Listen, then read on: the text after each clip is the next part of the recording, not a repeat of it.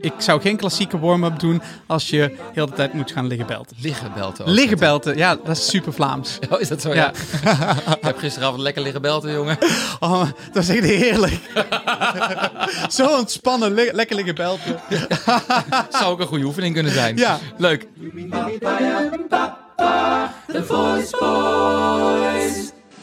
En het mysterie van... Vocal warm-ups. Hallo allemaal! En welkom bij een nieuwe aflevering van... The Voice Boys. Ja hoor, daar hebben we heel veel zin in weer. Ja, waar gaan we het vandaag over hebben, Tim? We gaan het vandaag hebben over het mysterie van vocal warm-ups. Ja, ja, ja. Is het eigenlijk nodig, eh, Tim? Ja, eh, dit is een super controversieel onderwerp, dus we moeten het wel even gaan ontleden, denk ik. Eh, als jij me de vraag stelt, is het nodig? Ik zeg wel ja. Ja, Eh, Zo'n warm-up mag niet vrijblijvend zijn, denk ik. precies, precies. Je moet, je moet wel een doel hebben met die warm-up. Eh, dat je namelijk iets traint wat je in het lied, wat je gaat uitvoeren, of in de show die je gaat uitvoeren, of whatever je gaat uitvoeren, dat je dat ook traint, zodat je dat opgewarmd hebt. Ja, precies, want heeft het zin om heel veel eh, oefeningetjes te te gaan doen waardoor je, waardoor je uiteindelijk toch de klank niet kan maken? Ik denk het niet. Ja, of je kunt misschien ook iets verkeerds opwarmen, zodat je niet in de instelling bent die je nodig hebt. Stel je voor, je gaat een popliedje zingen en je gaat klassiek opwarmen. Heeft dat dan zin? Eh, misschien vind je dat juist wel ingewikkeld om Ja. dan eh, eh, in die goede instelling te komen. Maar Dus, bestaat er dan wel zoiets als één algemene warm-up. Ja, nou ja, dat is een goede vraag. En ik weet eigenlijk niet of, dat, ehm, eh, of ik daar een goed antwoord op heb ook. Want dat ligt er maar net aan. voor iemand persoonlijk misschien wel. Maar niet generiek voor iedereen. Dus ik denk dat ik voor, voor hè, als wij samen gaan trainen met z'n tweeën, kunnen wij voor elkaar wel een, een leuke opwarming bedenken. Maar als ik een core heb met 100 mensen erin, heeft iedereen iets anders nodig. Ja, precies. Maar iedereen heeft wel hetzelfde doel en iedereen misschien een andere route. Dus dat is best eh, ingewikkeld. Maar goed, we gaan het. Moet, ik merk meteen al, we moeten hier structuur in aanbrengen, Tim. Ja. Dus dat gaan we doen. We, we doen het volgens eh, even een shout-out naar Orlon Luiten. Met een heel mooi schemaatje. Want we zijn even naar onze theatrale roots gegaan en naar de Stanislavskiaanse methode van dingen aanvliegen. En we gaan ja. gewoon de vijf V's af. Ja, we zijn, we zijn namelijk erachter gekomen dat wij zelf eh, allebei twee chaoten zijn. En dat wij structuur nodig hebben in ons leven. Dus dat gaan wij doen voor jullie, voor de podcast. Eh, we gaan naar de vijf W's en een H. Ja, dus we gaan even langs eh, de wie, wat, waar, waarom, wanneer en hoe. En dat passen we even toe op vocal warm-ups. Ja. Nou, waar beginnen we mee? Nou, in eerste instantie met waarom. Dus waarom moeten we opwarmen? Nou, daar kunnen we eigenlijk heel kort over zijn. Waarom heb je dat nodig? Eh, elke sporter, elke atleet heeft ook een bepaalde opwarming nodig. Omdat je wil dat je eh, spieren in de goede setting staan en goed doorbloed zijn om een topprestatie te kunnen leveren. Eh, maar ik ken ook toevallig bepaalde zangmethodieken of bepaalde mensen die zeggen: ja, stemopwarmen is niet nodig, want je stemplooien zitten toch binnen in je lichaam. Die zijn toch al eh 37 graden, dus warm hoeven ze niet te worden. Letterlijk hoef je je stem natuurlijk niet op te warmen, want hij is al warm. Want Dus het is lekker warm om- van binnen. Precies, dus het hoeft niet letterlijk. Maar je kunt je wel voorstellen dat je die spieren in beweging moet krijgen en goed moet doorbloeden. En de juiste spieren voor wat je nodig Juist. hebt. Dus als ik terugga naar die sporter waar we het net over hadden, die zal ook anders opwarmen als hij een marathon gaat lopen dan als hij een sprintje gaat trekken. En dat is precies hetzelfde wat wij ook moeten doen voor het zingen. Dus je Mhm. moet eh, in de spieren in een bepaalde setting krijgen om te zorgen dat die, die, eh, ehm, eh, ja, Dat die, die klank voor elkaar ja, krijgt. precies, precies. Eh, We moeten altijd terug naar de klank. Precies. Maar dan kom je eigenlijk meteen aan, naadloos aan het volgende punt. En dat is waar. Wat warm je dan op? Moet ik een hele racem jumping jacks doen? Dan? Nou ja, nou ja, kijk, het is altijd goed om, jezelf, om je, je lichaam op te warmen. Maar of je dat nou specifiek nodig hebt voor het zingen is een andere vraag. Dus een algemene body warm-up is sowieso goed voor je. Maar wat, wa- wat, wat wij letterlijk op moeten warmen is echt daadwerkelijk de spieren bij de stem. En daarvoor ehm, gaan wij niet eh, jumping jacks doen. Ja, precies. Behalve als jij, als jij voelt dat het je helpt. Dus het is altijd oké. maar in principe doe ik dat nooit met mijn studenten. Ik ook niet. Ik denk, kan me wel iets bij voorstellen dat om in een algemene staat van paraatheid te komen, dat zo'n jumping jack wel kan helpen. Zeker, zeker. Ehm, maar het gedeelte van ons lichaam dat wij moeten opwarmen voor het zingen is eigenlijk vooral hè, rond onze stemplooien zelf. Ehm, dus we moeten vocale gymnastiek doen. Nu, wat warm je precies op? Dit vind ik wel interessant, want ik kom een beetje terug bij de eerste vraag. Is er zoiets als een algemene warm-up? Ja en nee. Wij zullen altijd kijken eh, naar wat is de manier waarop je wil gaan zingen, waar het, het lied dat je uiteindelijk moet gaan doen, moet gaan zingen. Dan kom je heel snel in twee verschillende categorieën terecht. Ja. Kom je heel snel terecht in wat wij modus 1 dominant, borststem dominant noemen, of modus 2 dominant, wat we kopstemdominant noemen. En de stijlen die daarbij horen, alles wat modus 1 is, dat noemen we speech belt. Als sprekend, alles aan de roepende kant, alles wat poppy is, alles wat aan de M2-kant is, is legit, classical, alle meer zangerige manieren van klank maken. het is wel interessant wat je nu zegt, want wat, je kunt het op twee manieren eigenlijk uitleggen. Of van, eh, dat doe je, is eigenlijk meteen de anatomie. Hè? Dus M1 dominant betekent eigenlijk uh, modus 1, werking van de spier 1. Dat betekent kort en dik, dus dan zing je lager en luider. Of je gaat naar de modus 2 kant, meer opgerekt en zachter zingen en hoger zingen. Maar dan heb je het eigenlijk meteen al over de anatomie. En dan merk je meteen dat je andere spieren voor de ene manier van zingen nodig hebt dan voor de andere manier van zingen. En zo categorisch kijken wij er ook eigenlijk naar. Ja, dus wees je super bewust, wat voor liedje ga ik zingen? Uh, ik zou geen klassieke warm-up doen als je heel de tijd moet gaan liggen belten. Zou ik niet doen. Liggen belten. Liggen belten, ja, dat is super Vlaams. Oh, is dat zo? Ja, Ja. liggen belten. Ik heb gisteravond lekker liggen belten, jongen. Oh, dat is echt heerlijk. Zo ontspannen, lekker liggen belten. Zou ook een goede oefening kunnen zijn. Ja. Leuk. Nee, dus, dus eh, hè, welke zangstijl zing je nou? Dus als je klassiek opwarmt, doe je een andere ehm, opwarming dan als je speech belt opwarmt. Maar daarbinnen moet je dus eigenlijk altijd, heb, heb je het over de spieren, maar heb je het ook over de klank.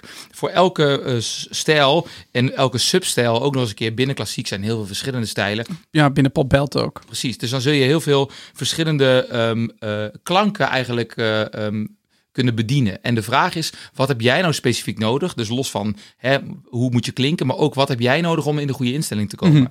Misschien zal ik met mijn klassieke stem juist heel veel scherpte nodig hebben, terwijl klassiek overwegend donker is. Ik maar ik heb scherpte nodig. Ik wilde net het voorbeeld doen als jij en ik zouden moeten opwarmen voor pop belt bijvoorbeeld. Dan Ja. weet ik dat wij allemaal allebei andere doelen zullen hebben. Ja. Want ik kan nooit zo luid als jij en jij kan nooit zo vrij als ik. Ja, ja. Nou, Ja, maar het is waar. ja, dat is, klopt, dat is maar zo. Maar dat is We kennen elkaar heel goed. Ja, ja, veel te lang ook. maar goed, dat, dat is helemaal correct. En daarin merk je dus ook dat, dat dat is misschien eigenlijk wel een heel goed voorbeeld. Dan zullen wij een, met hetzelfde doel, als wij hetzelfde lied zullen zingen, een andere manier van opwarmen hebben, omdat dat ervoor zorgt dat wij in de goede staat komen. Als wij precies dezelfde manier dus nood zouden willen zingen. Ik denk dat dat ook wel belangrijk is om uit te leggen dat dit deel van onze filosofie is. Een warm-up algemeen, ja, kan. Maar probeer er toch altijd jouw persoonlijke doel ook in te verwerken. Want het gaat gewoon veel efficiënter zijn om daarna materiaal te doen. Ja, en even om terug te verwijzen naar onze ehm, eerste aflevering van klankanalyse. Stel altijd een doel in de klank en daarna pas in de anatomie. Dus we zijn nu net al best wel snel gegaan naar de werking van spieren, omdat het over eh, opwarmen letterlijk gaat over hè, wat warm je dan op. Maar uiteindelijk gaat het er altijd op om welke klank wil je dan maken. En als dat dus betekent, als jij een laag, een kleinkunstliedje zingt, hoef ik geen hoge C te zingen van tevoren. En als ik een hoge C moet zingen en ik heb een liedje wat een vrij hoge omvang heeft, maar niet heel veel laagte, hoef ik mijn laagte in principe niet op te warmen. Behalve als je dat prettig vindt, als je je er zeker in voelt. Maar dat hoeft in principe niet. Alright, Eh komen we bij de volgende. Ja, deze vraag komt best wel vaak voor. Wanneer moet je opwarmen? Als in hoeveel van tevoren? En moet je opnieuw opwarmen?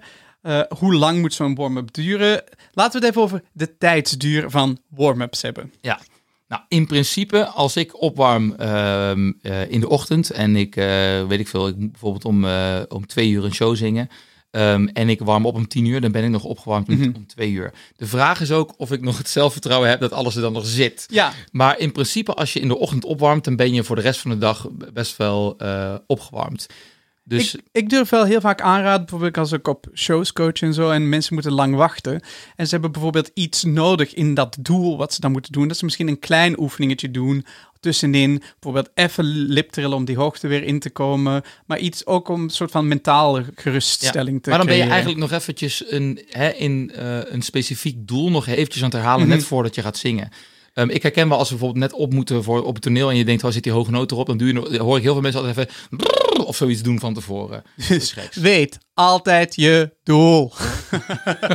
Daar komt het eigenlijk op neer. Maar in principe kun je zeggen, je hoeft maar één keer per dag op te warmen. Maar ik kan me wel voorstellen dat ehm, om in een bepaalde instelling te komen, als ik bijvoorbeeld een, ehm, een set heb met liedjes en ik moet eerst vijf liedjes zingen en daarna heb ik het, eh, weet ik veel, even pauze en ik moet daarna een eh, ander set met liedjes zingen en dat is een hele andere stijl, dan kan ik me voorstellen dat ik het tussendoor even fijn vind om in die instelling te geraken. Mhm. Maar de vraag is dan of het zo is dat je echt aan het opwarmen bent of dat je gewoon even Een die- reminder. een re- in, in je stem een reminder geeft van hoe dat ook alweer zat. Ja. Precies. En vaak is het ook een beetje iets mentaals. Hè? Dat je dan denkt, oh ja, ik, het zit er nog. Het is altijd iets mentaals.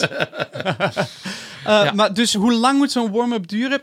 Probeer het altijd zo efficiënt mogelijk te doen. Probeer de oefeningen zo te kiezen dat je zo weinig mogelijk oefeningen moet doen en zo snel mogelijk resultaat. Ja, ik ken mensen die zeggen ik moet minimaal twee uur uh, inzingen voor wow, een show. echt? Ja, ja, ja. ja. Dan, dan, zit het, dan weet ik zeker dat het er echt zit. Uh, ik vind dat veel te lang. Ik ook. Um, ten eerste heb ik toch geen tijd voor. dat, dat, en ten tweede geen geduld. dus, dus, um, de, maar dus ik denk dat voor mij een opwarming zou moeten zijn een kwartiertje tot een half uurtje. Ja. En meer tijd zou ik daar niet aan willen besteden. Nee, ben je het ook mee eens, toch? Helemaal mee eens. Ja, daar kun je genoeg oefeningen in doen om hetgene te trainen wat je nodig hebt. Dus soms vind ik het ook wel handig om mensen een soort van tijdsframe mee te geven, omdat anders mensen denken dat het een uur moet zijn. Als je ja, ze het vertrouwen als docent kan geven, doe maar een kwartier, ja. dan is het ook wel goed. Ja, en de vraag is ook, warm je iets of een beetje aan het trainen? Dat is ook een goede Mm. vraag. ik denk dat we toch altijd een combinatie van de twee willen doen, niet? Ja, ja, ja, ja, dat klopt. Misschien anders als je individueel opwarmt dan als je als koor opwarmt. Ik durf ook wel zeggen dat als ik in een koor moet opwarmen, dat ik mezelf een doel geef. Als ik een oefening doe. Als jij in het koor zit of als je het... Uh, als ik bijvoorbeeld in een ensemble zit ja, ja, ja. En, en er wordt een oefening gedaan, dan ga ik Ja. mezelf een doel geven. Ja, omdat je misschien voor jou niet helder is wat het doel was dat gegeven is bij die oefening. Vaak. Dus dan geef je jezelf maar een doel. Dan Maar geef ik omdat je- mezelf maar een doel. Ja, ja, ja. Zing gewoon deze noot. Ja, dat Ja. gebeurt vaak. Nee, ehm, daar komen we zo meteen bij hoe. Ja. hoe moet je dan opwarmen? Ehm, dus wanneer? Nou ja, eh, het liefste ehm, gewoon eh, in eh, het begin van de dag. Want daar heb je de rest van de dag er iets aan. Des te vroeger je begint met opwarmen, des te eh, sn- sneller je in die instelling komt. Mhm. Ik merk in ieder geval zelf, als ik om tien uur een auditie had vroeger, dan moest ik s ochtends om zes uur opstaan om een beetje op tijd opgewarmd te zijn. Dus ik zou er wel een aantal uur voor doen. En soms gewoon een beetje praten helpt ook, hè? Ja, Dat ja. het maar in beweging blijft. Dus, ehm, dus ja, eh, wanneer warm je op en hoe lang moet het duren? Nou, dat hebben we gehad. Dan is de vraag, wie warm je op? Want eh, warm je jezelf op of warm je je student op of warm je je koor op? Dat geeft ook een aantal eh, variaties met zich mee. Ja, wie warm je op? Als je het voor iemand doet, is het altijd makkelijker. Want zeker als het met een docent is die jou kent, dan zal die al heel snel denken: ja, ik denk dat jij dit en dit en dit even moet doen. Nou ja, dat is de vraag. Eh, vaak hebben docenten ehm, gewoon één vaste warm-up die ze altijd doen. Oh ja. Eh, ik denk dat wij altijd wel bezig zijn met wat heeft deze student nou nodig. Maar dat is niet algemeen. Dus ik wil wel meegeven voor de docenten die zeggen... ik heb een standaard warm- warming-up. Dat kan misschien heel goed voor jou werken. Maar misschien heeft jouw student die oefening niet nodig... en heeft hij een andere oefening nodig. En dan is het ook de vraag, wie warm je op? Hè? En vooral een van de vragen is... heb je dan ehm, een hoogstem of een laagstem? Heb je dan een man of een vrouw voor je? Of eh, heb je iemand die een testosteron-induced larynx heeft... of een estrogen-induced larynx? Estrogen? Eh, Estrogen, ja. Ik maak er gewoon een, eh, een ostrich van. Zo'n- is dat niet zo'n eh, vogel? Een ostrich, dat is toch zo'n... Het is een ostrich, maar het is niet hetzelfde. Nee, nou, dat dacht ik al. Ja, goed. Ja, zo merk ik maar weer dat ik geen Brit ben. Oh, dit is heel goed. Ja, ehm Daan zei net iets super interessant over. ehm, weet wat voor stem je voor je hebt. Dan moet je dus ook gaan kijken in welke range dat je mensen gaat opwarmen. De toonhoogte komt dan meteen bij kijken. Ja, het, het is helemaal waar, want je, je, hebt gewoon verschillende soorten laringsen. Je hebt verschillende soorten Pauw. bouw. En dat komt omdat je in de puberteit een bepaald soort hormoon krijgt. Ehm, als jij meer mannelijk hormoon krijgt, zoals testosteron, gaat je larynx veel groter groeien. En ook je stemplooien, die worden veel groter. En de toonhoogte verandert dan? Precies, de toonhoogte verandert daarmee misschien wel een octaaf. Dat je een octaaf lager gaat spreken en zingen. Ehm, krijg je vrouw, meer vrouwelijke hormonen, oestrogeen, ehm, dan eh, groeit die ook een klein beetje, maar veel minder. Mhm. En dan krijg je anderhalve eh, eh, toon dat je bijvoorbeeld omlaag gaat. Daar zit dus een groot verschil in Ja. Tussen eh, meer eh, eh, vrouwelijke stemmen en meer mannelijke stemmen. En het nadeel daarvan is dat je dus ehm, heel goed moet weten wat iemand nodig heeft. Stel, ik moet een eh, sopraanliedje zingen, dan moet ik een hele hoge toonhoogte hebben. Maar het instrument is anders, dus die zal daardoor iets heel anders nodig hebben dan als een countertenor die hoogte wil gaan zingen. Moeten we er misschien- misschien eens een, een aflevering over maken? Het is wel heel interessant. Countertenoren. Koude tenor. Of überhaupt over oestrogeen en testosteron. Ja. Hmm. Schrijf het maar op eh, de lijst staan. Ja, precies. Maar de eerste vraag is dus, eh, wat, hè, wat is je doel? Wat voor toonhoogte zing je? Hoe luid moet je dat zingen? En vervolgens is de vraag, welk instrument heb je voor je? En is dat eh, iemand die juist heel goed in modus 1 kan zingen, die dus goed is in borststemkwaliteit. Ja. En laag. En en helder. helder. Ja. Of is het iemand die juist heel makkelijk hoog kan en wat zachter kan en wat vrijer kan, met meer vibrato zingt. En daarin moet je dus andere dingen voor eh, doen. Komen we zo meteen op. Ja, over het verschil tussen die testosteron en estrogen larynxes, dus over mannen en vrouwen stemmen. Wat heel interessant is om mee te geven, is mannen moeten vaker in een, in een anderhalve setting zitten. En anderhalf, maar daar gaan we een hele afwij- eh, aflevering aan wijden in, in mixed voice. Ik denk dat het de volgende aflevering Dat is zelfs. mij de volgende aflevering. inderdaad. En ehm, vrouwen zullen iets extremer aan de M1-kant of aan de M2-kant moeten zitten. Dus ook hier zal de opwarming daar een beetje moeten verschillen. Nou, vrouwen komen ook wel in die mixed voice terecht. Alleen ehm, eh, afhangend, eh, specifiek afhankelijk van de stijl. Dus Mhm. in klassiek zul je dat eigenlijk bijna niet doen. Dan moeten vrouwen overwegend in, eh, meer in een kopstem zingen. Ehm, als ze de pop zingen, dan kom je daar wel in En de musical kant. Ja, en de musical kant. Maar dat is echt heel specifiek afhankelijk van stijl. Ehm, Dan nu misschien het belangrijkste onderdeel. Hoe doe je het? Dus de vraag is, hè, welke, welk doel heb jij dus met je opwarming? En daarin is de volgorde van de oefeningen dus heel erg belangrijk. Ja, de eerste stap denk ik dat wij altijd hetzelfde bij iedereen zullen doen. En dat is, je eerste doel is toonhoogte creëren. Je moet laag over midden naar hoog. Ja. En liefst ook terug en op en neer. En alle kleuren van de regenboog. ik weet niet waar ik naartoe ging met die. je K3-achtergrond, je bent natuurlijk een Vlaming, dus daar ga je. Dan komen vaak, heel vaak uit op hoe gaan we dit doen met softies. Semi-occluded vocal tract oefeningen. Semi-occluded, moeilijk Engels woord voor half open.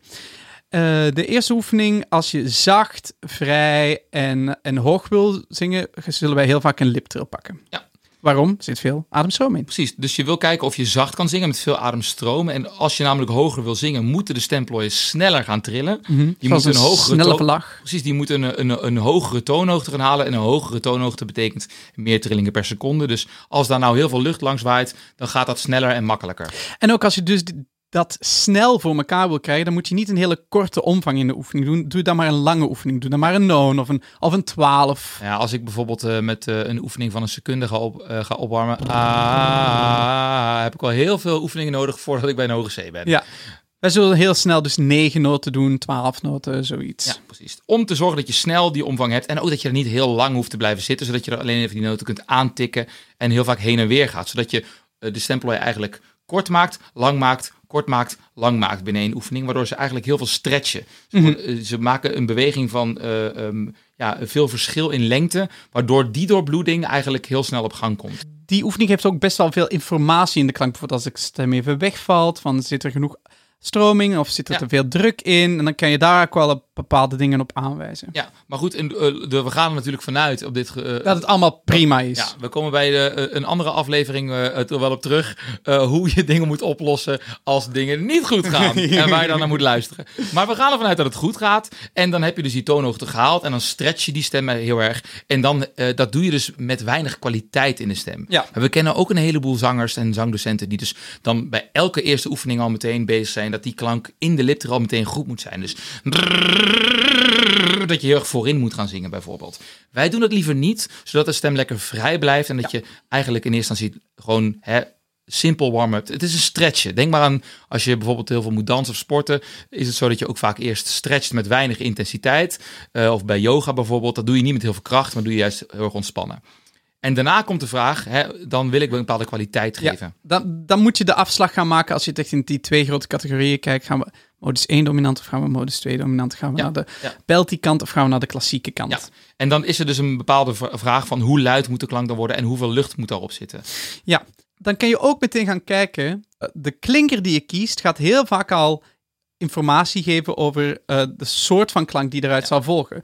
Daarom, als je naar de M1, mo- de modus 1 dominante kant gaat kijken, zullen we altijd open klinkers gebruiken die ook luid zijn. De Ja. A, de E, de O. Ja. Alles wat aan de modus 2 dominante klank eh, zit, pakken we gesloten klinkers voor. Dan denk ik meteen aan de U, de U en de I. Ja, en dat is omdat je wil dat ehm, als je meer naar de speech belt kant gaat zingen, heb je een luidere klank nodig. Moet je meer in je borststem zitten. En dan is, dan is het handig als je iets minder bovendruk hebt. Dus als je mondruimte iets opener is, zodat de druk onder de stemplooien wat groter wordt. Ga je naar de geslotenere klinkers, dan is de bovendruk groter. Dus de druk boven de stemplooien groter, omdat je mond wat kleiner is. En dan is de druk onder de stemplooien lager, waardoor je zachter zingt. Mhm. Dus bij modus 1, bij speech belt, zing je eigenlijk met iets meer luidheid en iets meer druk. En bij de modus 2 kant zing je met iets meer vrijheid en eigenlijk iets zachter.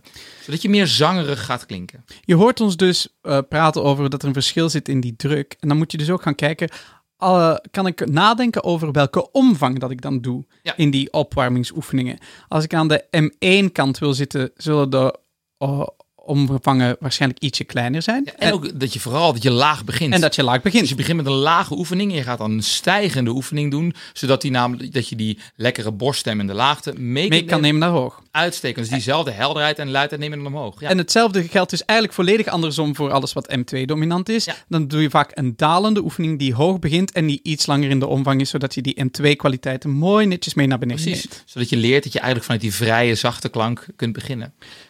Ik vond dat echt super goed uitgelegd Ja. van ons net. Ja, en daarna, dat, dat, is, dat is eigenlijk wel netjes gedaan. Ja. Geef jezelf een schouderklopje, Tim.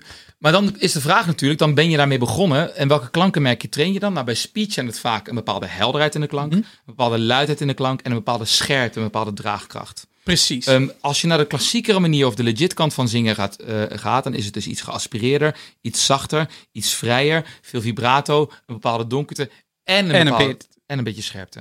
Ja, en het is interessant dat Daan telkens scherpte als laatste zegt. Want ik denk dat daar ook een heel belangrijk doel in moet zitten in die opwarming. Heel vaak gaan mensen altijd een beetje op kracht zingen. Dat er iets te veel ademdruk in de klank zit. En dat probeer je dus net in die opwarming eraf te halen. Een bewustwording creëren van dat je dat niet nodig hebt. Wij zullen altijd opteren om te zingen op draagkracht versus op kracht. Dus eerst oefen je een beetje zacht en dat je in de goede instelling bent, zodat je in modus 1 bent of in modus 2 bent. En daarna moet je uiteindelijk, want helaas zijn liedjes niet alleen maar zacht, je zult ook moeten zorgen dat, die, eh, dat je daarin een leveltje ehm, eh, luider moet worden en een bepaalde helderheid in moet, moet fixen. En dan zul je ook willen dat daar een bepaalde scherpte, een bepaalde draagkracht of resonans of metaligheid in komt. En dat is de laatste stap in het opwarmen, dat je dus diezelfde klank leert maken, maar niet met heel veel power, maar met veel draagkracht. Scherpte oefeningen. Nou, ik vind dit wel eh, heel veel interessante uitleg over vocal warm-ups tot nu toe. Ja, ik vind het ook heel, heel erg awesome. Ehm, er is nog één, ding, één vraag die wij nog moeten doen. Eh, is namelijk, er zijn heel veel gebruikelijke oefeningen. Dus eh, mensen hebben ons wat dingen toegestuurd. En die vragen eigenlijk, ja, waarom vinden we deze oefeningen wel of niet goed? Ja, eh, hele klassieke die ik heel vaak in koren en zo voor, voor- voorbij hoor komen is dingen als pannenkoeken bakken, pannenkoeken bakken en wilde witte zwanen, wilde witte zwanen. De vraag die wij altijd meteen zullen stellen is, wat warm je dan eigenlijk op? Ja, en wat is nou je doel? Waarom doe je die oefening precies? En dan zeggen mensen vaak, ja, dat is een fijne articulatieoefening. Maar moet je leren articuleren in zo'n warm-up of probeer je de klank te verbe- verbeteren, probeer je die stemplooien beter te doen functioneren? Ik zal altijd voor het tweede kiezen, jij ook denk ik. Ja, in principe, eh, ik vind articuleren heel zonde van je tijd. Eh, dat is een, een, een, een flinke uitspraak. Ja, Maar ga, ga daar vooral op door, Daan ja, Smits. Nou ja, de, reden, de reden waarom ik dat vind is dat articuleren ehm, zorgt er altijd voor dat je minder op een vocaal zingt. En op een vocaal kun je de kwaliteit van de klank heel erg bepalen. Maar zodra je je mond eigenlijk heel erg veel gaat bewegen, dan verandert, verander- verandert er een heleboel aan de druk van je stem, de bovendruk en de onderdruk, waardoor het moeilijk is om in die stand te blijven. Dus dat wil ik altijd zo lang mogelijk uitstellen. Eh, in eerste instantie in de instelling komen en ja, des te minder je articuleert, des te makkelijker het eigenlijk is. Mhm. En dan heb je ook maar één focuspunt. En dat de focus is, het moet bij die klank blijven. En Ja. op den duur ben je bezig met, ben ik nog de juiste woorden aan het uitspreken? In Ja. wezen is dat minder belangrijk op dat moment. Ja, eh, afhankelijk van of je is opwarmt of je is traint. Maar ik train altijd naar de ideale klank. En daarna kijken of ik die in alle klinkers en met alle medeklinkers erbij ook nog vol kan houden. Eh, we hebben nog andere soorten oefeningen. Ja, hetzelfde eigenlijk voor een, dezelfde uitleg geldt een beetje voor teloefeningen. 1, 1, 2, 1, 1, 2, 3, 2, 1. Superleuk voor je hoofd om op te warmen. Superleuk om de aandacht erbij te houden. Maar train je er echt heel veel ehm, klank mee. Ik moet je zeggen, als ik ze doe, en ik doe ze wel eens met een koor doen, dan vraag ik altijd voor een bepaalde kleur. Ja. Dan vraag ik, maak het maar lekker scherp of maak het maar een keer lekker donker. Gewoon om er toch iets van een doel in te steken. Maar dan is zo'n oefening eigenlijk gewoon vooral leuk. Ja. En ook voor om mensen dus een, een of je, maar je kunt ook het doel hebben om iets muzikaals op te warmen. Maar Mhm. dan ben je niet een stem aan het in een bepaalde setting aan het zetten. Nee. Dus de vraag is ook, wat is het doel? Nou, dan zou het kunnen zijn zorgen dat iedereen bepaalde intervallen beter leert zingen. Ja, Een heel goed doel, maar dat zegt niet zoveel over de vocale kwaliteit. Kwaliteit, ja, precies. Ja, een andere die wij binnenkregen was eh, ehm, zing maar op Miu of Mi Amore. Dat is een, eh, een oefening die heel vaak wordt gedaan eh, door veel collega's van ons. Zingen ze Miu voor de dames. Mi amore. Uitstekend. En nou, dat is een bepaalde oefening. Ja, maar wat is het doel daar dan van? Waarom doe je die oefening dan? Ja, ik je kan al zeggen, als je naar de omvang kijkt, ja, je gaat wel een van laag naar hoog. Je kiest wel klinkers, vooral voor de vrouwen die gesloten zijn.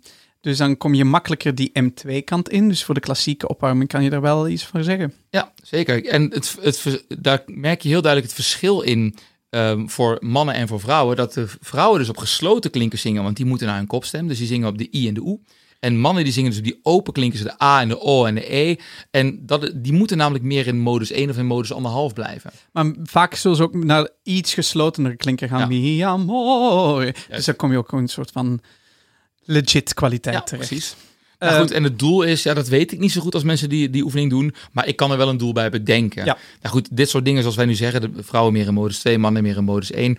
Ehm, eh, eh, het is denk ik altijd belangrijk dat je aan je docent vraagt, wat, Wat wil je? wat wil je van me horen? Wil je van me? En ik, ik denk dat, dat als iemand daar geen antwoord op kan geven, Dat je eh, moet vragen. dat je het moet, ja, maar als, als, die, als je het vraagt en die docent geeft dus geen antwoord, Ähm, dan moet je altijd even afvragen van, oké, de- de- waarom betaal ik hier dan geld voor? ik wilde echt wachten waar deze uitspraak naartoe Ja, maar ik vond het heel leuk. Ik denk dat het, al, dat het altijd de taak van een zangdocent moet zijn dat hij ook uitlegt waarom hij een oefening met jou doet. Als hij dat niet weet, dan doet hij maar gewoon niet. Ja, ik denk dat wij altijd ook een beetje allergisch waren voor het, eh, in de geval dat we geen antwoord kregen. Ja. Probeer wel altijd om een antwoord te vragen. Betaal je hartstikke veel geld voor. Maar mensen die vroegen dat ook aan mij en die zeiden vervolgens, ja, ehm, eh, ik heb de, ik, toen, toen ik dat vroeg aan mijn docent, zeiden ze, als je dat nu nog niet weet, moet je van de opleiding af. Dan, eh, en toen dacht ik, oh, dat vind ik wel heel heftig. Dat zou je nu wel moeten weten, want je bent vierdejaars. En dan denk ik, oké, hartstikke leuk, maar als ik... Ik ben vier- aan het leren. Ja, ik wou net zeggen, ik mag ben gewoon nieuwsgierig. Ja, wat een veilige lesomgeving is dat, zeg.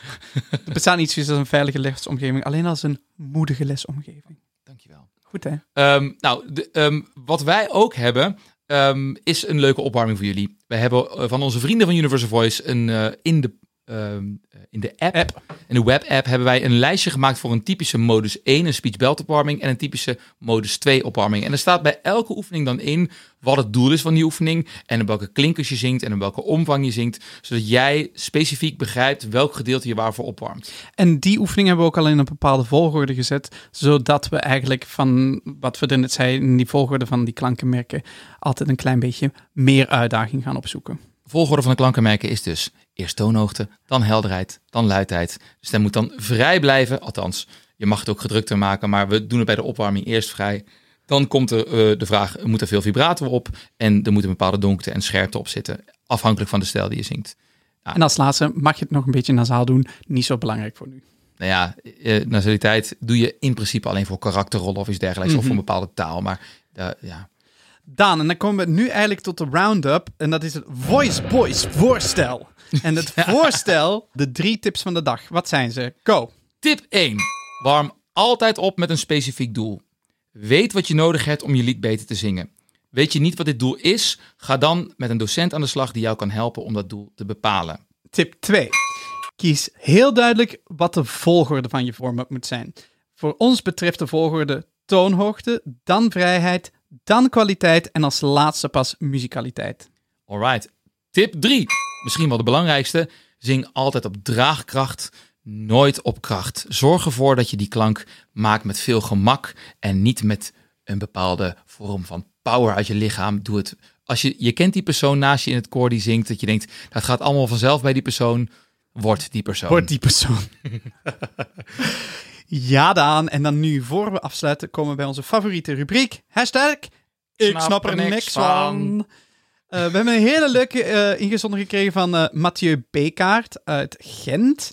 En die zei, de aanwijzing die hij van een docent heeft gekregen ooit is, het vuurwerk moet door je voorhoofd naar boven komen.